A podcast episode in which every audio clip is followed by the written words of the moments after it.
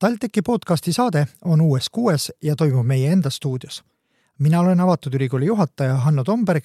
ja minu esimene vestluskaaslane on Eesti Energia juht Hando Sutter. Te ise tunnete endas veel tungi kooli tagasi minna ja mitte õppurina, vaid siis juba õpetajana. kas te siin saate öelda välja, et kui teie töö lõpeb, siis kevadel kaks-kolm kuud te töötate koolis õpetajana? jaa, ma arvan, et ma mõne tunni annan veel isegi enne märtsi lõppu, et ma olen seda teinud iga aasta, üritanud erinevatele vanuseastmetele, ka TalTechis olen loengut äh, pidanud, aga ka algkoolis, ka esimesele klassile, ka gümnaasiumi lõpuklassile, eesti keeles, vene keeles, erinevates Eestimaa nurkades, see on, see on endale väga hariv ja, ja, ja natukene aru saada, kuidas noored mõtlevad, on ka väga-väga hariv. ma arvan, viimase koolitunni ma andsin äh, umbes neli nädalat tagasi. Äh, ja, ja ma iga kord õpin sellest, see on väga inspireeriv. Tallinna Tehnikaülikool. Eesti Energia juhatuse esimees Hando Sutter, viimastel kuudel ja õigemini viimased pool aastat olete te hästi aktiivselt sõna võtnud Eesti põhihariduse teemadel. miks hariduse teema on teie jaoks nii oluline? ja tõsi, et äh, haridus äh, on olnud mul peaaegu kogu elu oluline ja, ja ma olen ise saanud väga hea hariduse, ma tunnen, kuidas see mind on elus aidanud. Mul on lihtsalt vedanud, mul on vedanud, ma maapoisina sattusin Nõo kooli, mul on vedanud oma õpetajatega, mul on vedanud tegelikult ka oma ülikooliga, et kus oli küll äärmiselt raske, aga kus ma insenerikutse sain, ehk siis Tallinna Tehnikaülikooliga. ja, ja see kõik taust on mulle elus äh, olnud äh, väga suureks abiks erinevates rollides, erinevatel ajahetkedel äh, ja kui me täna mõtleme natukene selle peale, et mis Eestimaad ootab ees ja see on täna juba defineeritud sellega, kui palju meil viimase kahekümne aastaga on sündinud noori inimesi, ehk neid on sündinud oluliselt vähem siis kui varasema kahekümne aasta jooksul. ja kui me vaatame seda, et keskmine eluiga siiski Eestimaal ka pikeneb ja ja mõtleme selle peale, et kui palju on võrreldes tänasega näiteks kümne või kahekümne aasta pärast äh, ülalpeetavaid, siis vastu neid maksumaksjaid, kes äh, seda elu üleval Eestimaal hoiame, siis äh, me tahame hoida tänast elukvaliteeti, tänast, ma ei räägi paremat elukvaliteeti, siis me peame iga inimese kohta looma oluliselt rohkem lisaväärtust. ja, ja see on, see on nagu matemaatiliselt tõestatud kui ei ole väga suurt immigratsiooni, mida ma ei usu, sest see on ju poliitiliselt meil suhteliselt selgelt välistatud. nüüd, äh, kuidas me seda paremat lisaväärtust loome? ainult läbi targema töö. ja kuidas me saame targemat tööd teha? ainult läbi targemate inimeste ehk siis parema, paremini haritud inimeste, parema koostöö äh, ülikoolide, teadusasutuste, äh, ettevõtete vahel. see on ainukene võimalus, ega meil rohkem variante ei ole me mõlemad mäletame oma noorusaega, mis jääb kusagile sinna nõukogude perioodi lõppu ja ma mäletan seda, et koolis tol hetkel rõhutati ikkagi nende baasainete eesti keel, kirjandus, ajalugu, no ühiskonnaõpetus oli hoopis teist värvi äh, tähendust ja matemaatika tuli ka sinna juurde, aga mitte keemia ja füüsika. kas tänase ühiskonna nõuded on teistsugused, kui nad olid tuhat üheksasada kaheksakümmend või üheksakümmend? noh, Nõo koolis räägiti matemaatikast, füüsikast ja keemiast väga palju ja, ja äh, minule meeldis äh, äh, matemaatika põhikooli lõpus, meeldis ka keskkooli lõpus, meeldis ka ülikooli lõpus. aga kui me võtame tänase siis põhikooli lõpetaja ja ma ei räägi siin lihtsalt oma kõhutundest, vaid ma räägin Haridusministeeriumi poolt tehtud uuringust, siis iga teine põhikooli lõpetaja tõdeb, et ta on teinud ühe lõpliku otsuse oma elus, et ta reaalainetega oma elu ei taha mitte kunagi siduda ega inseneeriaga ja see on põhikooli lõpuks täna tehtud otsus. ja kui küsimusele, miks, on vastus see, et ma ei saa sellest aru, see on raske ja see ei huvita mind. ja kui me mõtleme tagasi, me oleme uurinud natukene, miks see nii on, miks see on äh, siis äh, ütleme, inimese, kes on ellu astumas oma valikuid tegemas, on sellise otsuse juba teinud, siis tuleb välja, et, äh, et noh, meil on näiteks füüsikaõpetajast iga teine on täna Eestimaa koolides puudus ja nendest olemasolevatest umbes kolmandik on pensioniealised ja, ja noh, ütleme alla kolmekümne aastaseid õpetajaid peaaegu ei ole. kuulates teid jääb mul mulje, et gümnaasiumis selle teemaga tegelemine on hilja, me peame tegelikult põhikooli õpilased kätte saama siis, kui nad hakkavad keemiat ja füüsikat õppima. absoluutselt, et, et kui no kui me mõtleme, et tegelikult äh, see noor inimene on kaks aastat füüsikat õppinud selleks hetkeks ja kui ta on teinud otsuse, et ta ei saa sellest aru, äh, ta ei taha ja see on tema lõplik otsus äh, peale kahte aastat, no siis me oleme midagi väga valesti teinud. sest tegelikult kogu meie elu ümberring ongi ju üks füüsika ja see on ju äge. Et, et kui me suudame seda natukene eluliselt esitada, et me suudame teha sellises vormis, kasutades ka neid kanaleid ja meetodeid, mida tänapäeva noored kasutavad et see lõpuks on selline, et see, et see on fun, et ta on, ta on noortele inimestele noh, nagu, et nad suudavad samastuda sellega, mida nad õpivad, siis neil silmad säravad ja nad, nende uudishimu laieneb, nad tahavad rohkem sellest teada. aga kui me kahe aastaga suudame selle ära tappa põhikoolis, siis oleme midagi väga valesti teinud. Kus see probleem meil tänaseks tekkinud on, et huvi reaalnäite vastu nii väike on? noh, eks ta on, eks ta on päeva lõpuks muidugi äh, on ennekõike ju äh, nii-öelda motivatsiooni probleem, et miks äh, ei taha noored inimesed minna õpetajaks. et see on noh, nüüd järgmine asi on see, et mis on motivatsioon. ma olen ka väga nõus sellega, et raha elus kõike ei otsusta, kuid olgem ausad, et ka Eesti Energias töötab palju endisi õpetajaid ja ma arvan, et kui tubli õpetaja tuleb meile tööle näiteks spetsialistiks, ta saab kohe kaks korda rohkem palka, kui ta õpetajana sai. ja noh, see valik on kõikidel Eestimaa õpetajatel, tublidel õpetajatel vähemalt, et ütleme, et noh, kui nad ainult raha järgi oma otsuseid teeks, nad võiks kohe minna, valida endale töö, noh, niimoodi utreerin natukene, aga kus nad saavad kaks korda rohkem palka. ehk äh, kui me täna ikkagi vaatame seda, et jah, me oleme natukene suutnud äh, nii-öelda eelarvest äh, panna palgaraha juurde, aga kui me vaatame, et palgakasv on keskeltläbi olnud seitse, kaheksa, üheksa protsenti siin viimased aastad, siis tegelikult üldine skaala, et selline versus Eesti keskmine palk õpetajate olukord on läinud hullemaks. haridussüsteemis on palju ebaefektiivsust. Ja kas me tahame või ei taha, noh, me peame endalt küsima küsimuse, et kas me oleme nii jõukas ühi-, ühiskond, et me suudame gümnaasiumeid hoida noh, nii-öelda kahekümne kilomeetri raadiuses igast Eestimaa noorest, ilmselt mitte et kui mina käisin koolis, Nõo koolis oli õpilasi üle terve Eestimaa, ta oli matemaatika, füüsika kallakuga kool viieteistaastased nii-öelda vanemad usaldasid neid sinna tulema, elama seal nädal aega koha peal, nendel olid seal tingimused olemas ja nad said väga hästi hakkama. Ja see koolitase oli selline, et sinna tuldi ja ma arvan, et see on okei okay teatud vanuseastmest. jah, et lasteaed, algkool on sul kodu juures, põhikool võib-olla natukene kaugemal on vaja bussiga sõita, aga gümnaasium ei pea olema kodu juures, ma arvan, seal on juba kvaliteet on palju olulisem, võib-olla natukene spetsialiseerumist, samamoodi ametikoolidega me ei pea nii-öelda igas linnas äh, õpetama ilmtingimata dislerit, meil on teatud äh, spetsialiseerumine, nii et et kui me vaatame Eestimaa suurust, mõtleme noh, tänast reaalset õppurite arvu ja seda, mis homme on, siis ma arvan, et meil on vaja see oluliselt efekt-, efektiivsemaks haridussüsteem teha. ja, ja tegelikult on Haridusministeeriumis väga hea plaan olemas, ma olen seda ise lugenud, selle võiks äh, homme käiku panna, aga sellel ei ole poliitilist tuge. nii see praegu on. tööandjate manifest Äh, mis värskelt äh, ilmunud on, ütleb ka seda, et koolides võiks lõpetada kitsa matemaatika õpetamise ja me võiksime puhtalt äh, laia matemaatika peale minna äh,. ka see on ju nõudlikkuse märk ja see, et äh, me tegelikult ei võtaks ära osadelt noortelt hiljem võimalust ülikoolidesse pääseda, kes järk-järgult on neid latte äh, matemaatikateadmiste osas ka tõstnud, lävendeid. mis on selle idee taga? selle, selle idee taga on see, et, et ega tegelikult olenemata erialast,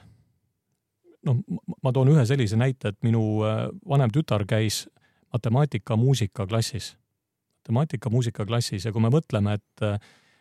muusika on ju matemaatika.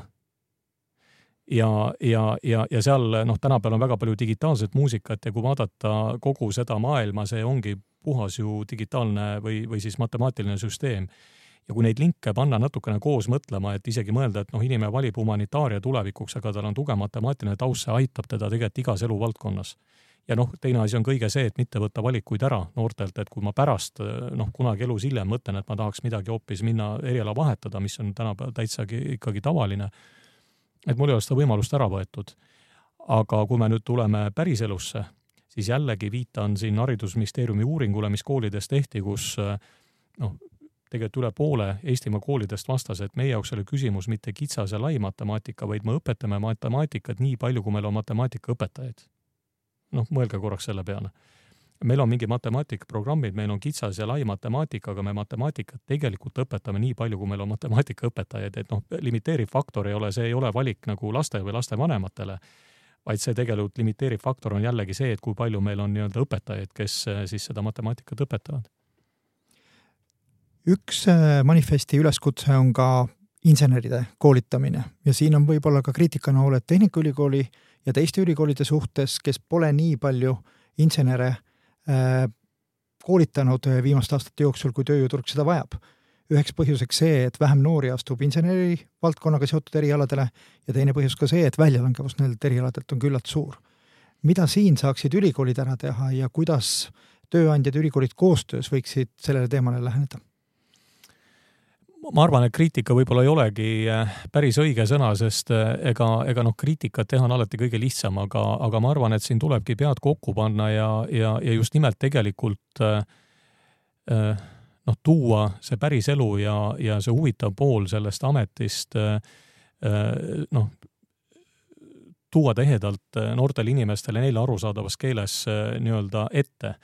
ja, ja noh, piltlikult öeldes äh, me peame neid motiveerima või peame üritama mitte need motivatsiooni ära võtta, äh, pingutada, natukene õppida, omadada neid teadmisi, huvituda jätkuvalt matemaatikast, füüsikast, keemiast äh, ja, ja valida ka neid erialasid, kus võib-olla tõesti jah,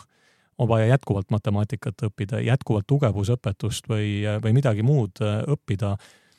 aga nad teavad, miks nad seda teevad. Ja seal eh, noh, siin ongi nüüd natukene see, et eh, võib-olla lihtsalt eh, noh, see, mida tegelikult insenerid teevad ja, ja, ja mida me kõik igapäevaselt kasutame, mis on kõik väga ägedad inseneri nii-öelda loomingud, me lihtsalt ei mõtle selle peale nii palju, aga kas me tahaksime olla osa näiteks mõne, ma ei tea, tuleviku elektroonikavidina, telefoni, auto Äh, minu pärast äh, lennumasina väljatöötamisel ja, ja need on insenerid, kes neid loovad, me kasutame seda loomingut iga päev. aga, aga noh, siis me ise ikkagi vaatame, et noh, siin on mõni äge, äge maal, et äh, kui ma midagi maalin, et no ma tahaks sellega samastuda, aga, aga samas selle inseneri perega, kes kõike seda, mis me, meie ümber on ja mis teeb meie elu mugavaks ja elamisväärseks, et sinna me nagu ei kujuta ennast ette kuuluvat ja noh, võib-olla see on see, mis meil koos tuleb ikkagi noortele nagu äh, noh, nii-öelda arusaadavaks teha, et kui äge see maailm on ja kui palju see tulevikutehnoloogia tegelikult võib meie elu muuta. kui sa oled osa sellest teekonnast ja osa sellest loomingust, mida insenerid teevad, et, et see on ju ka äh, loominguline valdkond, lihtsalt noh, see taust on inimestel teistsugune võib-olla on mure selles, et me ei ole suutnud neid masinatööstuse ettevõtteid, lennukitööstuse ettevõtteid, elektrienergiafirmasid nagu Eesti Energiaga on piisavalt värvikaks teha. et noortele tundub täna, et lihtsam ja suurem palk saab olema ärijuhtidena, ettevõtete juhtidena või siis ka äh, tarkvaraarendajatena. et me tegelikult seda valdkonda ei ole suutnud piisavalt huvitavaks ka noortele äh, teha ja see ei ole ainult äh, aine tundmine, vaid ka need tulevased töökohad on nende jaoks mõnes mõttes vanamajandusettevõtted noh, ja täpselt nii ongi, et, et kui me, kui me võtame nüüd seda tööd, mida Eesti Energia on teinud, et me näiteks kontrollisime fakte, et sellel aastal umbes viissada põhikooli ja gümnaasiumi õpilast on käinud meil erinevates üksustes ekskursioonidel ja noorematele me oleme teinud siis virtuaaltuurid, keda me ei julge veel masinate vahele lasta, et, et nad saavad ise siis internetis avastada ja nii-öelda panna virtuaalsed prillid pähe ja uidata ringi elektrijaamas, kaevanduses, tuuleturbiini, generaatori vahel ja nii edasi, vaadata, mis seal kõik toimub, kus ta sõbraliku häälega keegi neile seda kõike ka selgitab et noh, see on kõige vähim, mis me saame teha. noh, edasi on see, et äh, kui me võtame Edumuse või Tagasi kooli programmid, kus me oleme käinud, äh, noh, väga paljud meie töötajad on käinud Eestimaa erinevates koolides, erinevates vanuseastmetes. no me võtame küll aine sees, räägime õpilastele, aga siiski oma tausta pealt ja me üritame siin ka väga eluliseks seda teha ja näitame, et me oleme nagu päris inimesed, et, et ja noh, kui mõelda, et kust see elekter siis tuleb ja, ja, ja kuidas elekter meid aitab ja, ja kust elekter homme tuleb. Ja, ja mida ägedat siin me teeme, näitame oma ägedaid inimesi, et noh, meil on rakett kuuskümmend üheksa äh, võitja. Põhimõtteliselt on tööl, kes täna ehitab äh, tuulikuid, äh, kaksteist aastat tagasi võitis selle, täna on ka mentor tänastele raketi õpilastele, et need lingid on hästi tihedad ja tema nagu särasilmi arendab meil nii-öelda tuuleenergiat täna meie ettevõttes et, et me, me peamegi olema kõik palju-palju lähemal üksteisele, et ja, ja noh, kuigi noor, aga ta on, ta on, ta on inimene, tema, tema noh, avastab kõike ja lihtsalt, et kuna, kui ta iga päev on seal digitaalmaailmas, ta näeb, et seal on äge, see tuuakse talle nagu noh, ütleme taskusse kätte, aga me peame natuke rohkem vaeva nägema. No tegelikult on Eesti Energia ka ise seda imago muutust läbi viimas, te ise olete hiljuti öelnud, et Eesti Energia ei ole täna enam energeetikaettevõte, vaid on pigem IT-ettevõte noh, numbrid kinnitavad seda, et meil on üle kolmesaja äh, süsteemi arenduse ja programmeerimisega seotud inimese tööl. see seltskond on üsna rahvusvaheline. Äh, noh, meie eelarve, kui me mõtleme, et kui palju me digitaliseerimise ja oma süsteemide arendamise peale raha paneme, on kümnetes miljonites. ja, ja, ja noh, juba selle järgi me oleme üks suuremaid IT-ettevõtteid ehk Äh, ja, ja kui me nüüd mõtleme natukene selle peale, et läbi digitaliseerimise, et milline mõju on äh, noh, näiteks meilt jõuab kohe miljoni kliendini erinevates riikides, kui me teeme ühe täienduse näiteks oma mobiiliäpile, mida kasutavad kümned tuhanded inimesed, eks ole. et äh, või, või et kui me noh, mingi andmete pealt suudame mingi viga ennetada näiteks tuuleparkides, et kui palju siis me hoiame kokku näiteks tuulepargi seisutunde või et äh, kui me suudame mõne võrgukatkestuse ära hoida sellega, et me leidsime midagi võrgust äh, modelleerides või digitaalse kaksiku analüüsides mingeid asju, et see, see kõik on, et noh, sellel kõigil on väga suur mõju ja tegelikult noored inimesed näevad seda, kui nad tulevad ja vaatavad, mida me teeme nii et, et noh, üks on see, et loomulikult see missioon, me oleme teekonna nulli, me oleme selgelt öelnud kaks tuhat nelikümmend, me oleme süsinikuneutraalne ettevõte ja me oleme seal teekonnal koos oma klientidega. me peame seda teekonda, see ikka täna noori kõjuta, kõigu, kõnetab väga palju. ja teine asi on see, see suur mõju, et sa saad päriselt olla päris olulistes protsessides kohe kaasas. Samal ajal käib teie ettevõttega kaasas ka suur süsinikuheitme jalajälg Äh, jätkuvalt, äh, kuigi avalikkuses räägitakse järjest rohkem taastuvenergiast,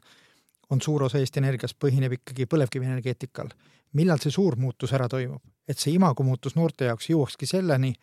et Eesti Energia ei ole roheline ainult sõnades, vaid ka tegelikult äh, taastuvenergia osakaal on rohkem kui täna fossiilsete kütuste osakaal?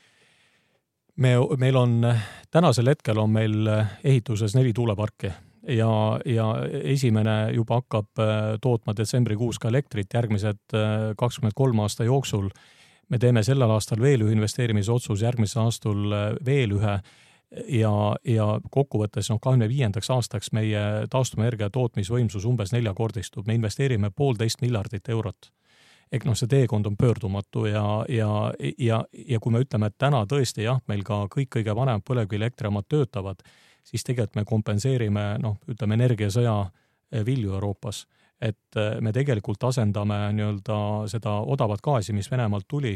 me ei olnud selleks valmis, et see nii äkiliselt lõpeb, et see on tegelikult selline, nagu ma ütleks, kriisiolukord ja me ei võta seda baasstsenaariumi osana kuidagi, lihtsalt nad olid reservijaamad, mida me arvasime, et me ei pea enam kunagi käitama, aga nad just selleks olidki reservis, et eh, kriisiolukorras neid käitada. jah, täna me oleme nad käima pannud, nad aitavad meid täna välja, aga mida kiiremini me liigume siis äh, uute tootmisvõimeku, võimekustega, mis on odavad, palju odavamad kui põlevkivienergeetika. Nad on sõltumatud igasugusest fossiilsest kütusest, pluss äh, nad on keskkonna mõttes palju-palju puhtamad ja annavad meile tulevikuenergiat, seda rutem need põlevkivielektrijaamad jäävad ka seisma. kui me samal ajal vaatame meedias välja öeldud, siis me näeme, et äh, ettevõtlusminister alles nädal aega tagasi ütles, et tegelikult on vaja meil veel ühte uut põlevkivielektrijaama. see jutt ei lähe kokku sellega, mida te täna räägite nojah, eks, eks iga, iga ütleja peab oma, oma ütlusi ise põhjendama, et loomulikult, eks me oskaks ka põlevkivielektrijaama ehitada, see ei ole. aga kas see on teie strateegias aga, sees? aga, aga, aga, aga ta, teda ei ole sees ja teda ei ole puhtalt sellepärast, et meil on parem plaan. Meil on parem plaan, kuidas toota elektrit odavamalt, puhtamalt ja sõltumatumalt, ehk, ehk see plaan ongi ikkagi väga selgelt äh, rohelise elektri tulevikuga ja kui noh, öeldakse, et et kust siis tuleb elekter, kui äh, ei ole tuult või päikest, noh nagu näiteks tänane detsembrikuu päev on,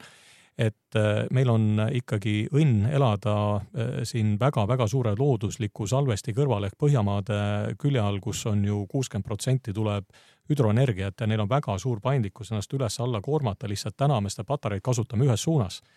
Tõmbame sealt energiat ainult siia ära, et me ei anna ju sinna mitte midagi tagasi, iga patarei saab tühjaks ükskord, kui sa sealt ainult võtad, et kui me siin hästi palju oma taastuvenergiat arendame ja hakkame ikkagi sinnapoole kandma,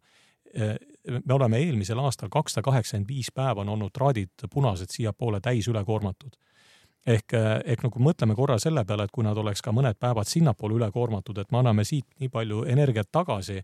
et siis ju sellel ajal seal hüdrost ei pea tootma, nad saavad ennast alla koormata ja me saame sealt jällegi nendel hetkedel tuult ei ole, päikest ei ole äh,, siin elektrit tarbida, siis tegelikult äh,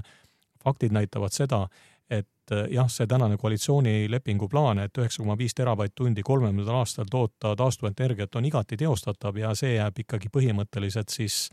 inseneride taha, mitte, äh, mitte nagu selle, selle süsteemse errori taha, see tuleb lihtsalt ära teha. Äh, seega te täna ettevõtlusministri sõnu ei jaga? mina ei jaga, loomulikult ütleme, et kui äh, Eesti Energia omanik annaks sellise suunise, Eesti Energia peab selle ära tegema, aga täna meil ei ole ka sellist suunist. meie suunis on see, et põlevkivi väärindada puhtamalt ja efektiivsemalt ja see kindlasti ei ole Auvere kaks elektrijaam. Hando Sutter, kui me vaatame päiketootjaid, siis me näeme, et päikeseenergia osakaal kasvab plahvatuslikult ja tõenäoliselt on ka Tallinna Tehnikaülikooli töötajate hulgas paljusid, kes juba täna toodavad äh, päikeseenergiat. kas äh, see tootjate rohkus tekitab ka Eesti Energiale mingit muret? ennekõike tekitab rõõmu, et äh, täna on Eestis viisteist tuhat elektrijaama, kes seda oleks võinud uskuda kolm aastat tagasi ja, ja, ja noh, minu arust see, et, et sellel raskel ajal ühiskonnas, kus äh, Äh, energia hind on ju väga suur väljakutse kogu ühiskonnale, kõigile ja, ja ta on, noh, ta on väljakannatamatu, et, et tehnoloogia võimaldab meil nii-öelda ise midagi ära teha. see on ju väga äge. ja, ja, ja mikrotootmine ei ole veel kõik, et meil ikkagi on täna salvesti ikka väga juba reaalne, noh, nii tööstuslikul tasemel kui ka kodutarbija tasemel ja siis tarbimise juhtimine, elektriauto, selle tark juhtimine kõik see kokku viia, eh, noh, siin on nagu väga, noh, efektiivsusest rääkimata, siin on väga palju, mida saab igaüks ära teha. no sellist võimalust meil kümme aastat tagasi ei olnud, siis oli reguleeritud elekter, eh, noh, tuli, noh, üks müüja tuli osta seda või teha mitte midagi, eks ole, et noh, minu arust on see nagu hästi äge, et selles maailmas on nagu väga efektiivne konkurents, et tõesti, kui energiaettevõtted hakkama ei saa, siis inimesed leiavad ise lahenduse ja, ja, ja, ja see täna natukene seda näitabki, et kui viisteist tuhat inimest on põhimõtteliselt otsustanud äh, investeerida energia tootmisse, siis see on natukene ju see, et nad näevad, et, et see on mu võimalus, ma, see on tasuv, ma tahan olla sõltumatu, ma tahan puhtamat energiat saada, ise toota ja see on nagu äge, nii et ma ei näe siin, et siin midagi halvasti on. tõsi, ma isegi ütleks, et äh, ma viitan siin TalTechi tehtud uuringule aastast kaks tuhat üheksateist, kus High stsenaarium ütles seda, et äh, meil on aastaks kaks tuhat kolmkümmend Eestis kolmsada megavatti päikeseenergiat installeeritud. noh, see prognoos osutus väga valeks. Äh, meil on juba selle aasta lõpus üle viiesaja megavati ja ma arvan, et kahekümne viiendaks aastaks on üle tuhande megavati päikeseenergiat installeeritud. tõepoolest elektrisüsteemi vaates see tekitab väljakutseid aga nende väljakutsetega tegelemine on ka tegelikult äh, puhas rõõm, sellepärast et, äh, et, et noh, see lihtsalt homme jõudis palju varem kohale. Ando, teie töö saab vähem kui poole aasta pärast otsa. kas Eesti Energias on midagi ka tegemata jäänud? noh, töö ei saa otsa, Eesti Energias saab juhatuse esimehe amet otsa, et see, olgu täpsem olla, et mul ei ole elus kunagi töö otsa saanud, et et eh, noh, muidugi, muidugi jääb tegemata või jääb järgmisele juhile teha, et, et ma noh, ma ei usu, et ta tegemata jääb, sellepärast et noh, Eesti Energias on peale Ando Sutteri väga-väga professionaalne, tegus eh, meeskond, eh, väga hea plaan. aga kui te ühe asja välja tooksite, mis teid endat kripeldab, mis oleks võinud kiiremini toimunud? ma arvan, et, et noh, võib-olla üks, üks asi, mis, mis mind jääb kripeldama natuke, on see, et me oleks pidanud äh, suutma rohkem andmetest äh, väärtust luua. Ja, ja, ja noh, see on, see on see, mida ma olen ise ka hästi, hästi aktiivselt vedanud, ma leian, et andmeomaniku, nii suure hulga andmete omanikuna Eesti Energial on hästi suur vastutus, et kui me suudame ühiskonnale luua rohkem väärtust neid andmeid väärindades, et et seal ma oleks tahtnud kiiremini liikuda, tõsi, me seda juba päris palju ka täna teeme, noh, meil on head koostööd siin ka ülikoolidega, eks ole, aga see tuleviku energiasüsteem, kui me tahame teha teda taskukohaselt, eeldab väga-väga palju tarkust, algoritme, iseõppivaid algoritme, andmete kasutust, seepärast kui me seda ei tee, siis tegelikult noh, me teeme selle muutuse ikkagi ära, aga see läheb palju kallimaks. nii et, et noh, võib-olla siit nagu selle alguse juurde tagasi tulles, et, et noh, need särasilmsed, teotahtelised, targad noored insenerid, siin on hästi suur tööpõld, see, mida ma olen siin üritanud käima lükata, aga veel minust on tegemata jäänud, et et siin on hästi palju lisaväärtust, mida, mida nagu ühiskonnale pakkuda. Te ise tunnete endas veel tungi kooli tagasi minna ja mitte õppurina, vaid siis juba õpetajana. kas te siin saate öelda välja, et kui teie töö lõpeb, siis kevadel kaks-kolm kuud te töötate koolis õpetajana? jaa, ma arvan, et ma mõne tunni annan veel isegi enne märtsi lõppu, et ma olen seda teinud iga aasta, üritanud erinevatele vanuseastmetele, ka TalTechis olen loengud äh, pidanud, aga ka algkoolis, ka esimesele klassile, ka gümnaasiumi lõpuklassile eesti keeles, vene keeles, erinevates Eestimaa nurkades, see on, see on endale väga hariv ja, ja, ja natukene aru saada, kuidas noored mõtlevad, on ka väga-väga hariv. ma arvan, viimase koolitunni ma andsin äh, umbes neli nädalat tagasi. Äh, ja, ja ma iga kord õpin sellest, see on väga inspireeriv. ja, ja, ja kindlasti ma tahan äh,, tahan seda tööd jätkata, millises mahus ja formaadis see selgub, et füüsika õpetamine on mulle tõesti hästi hingelähedane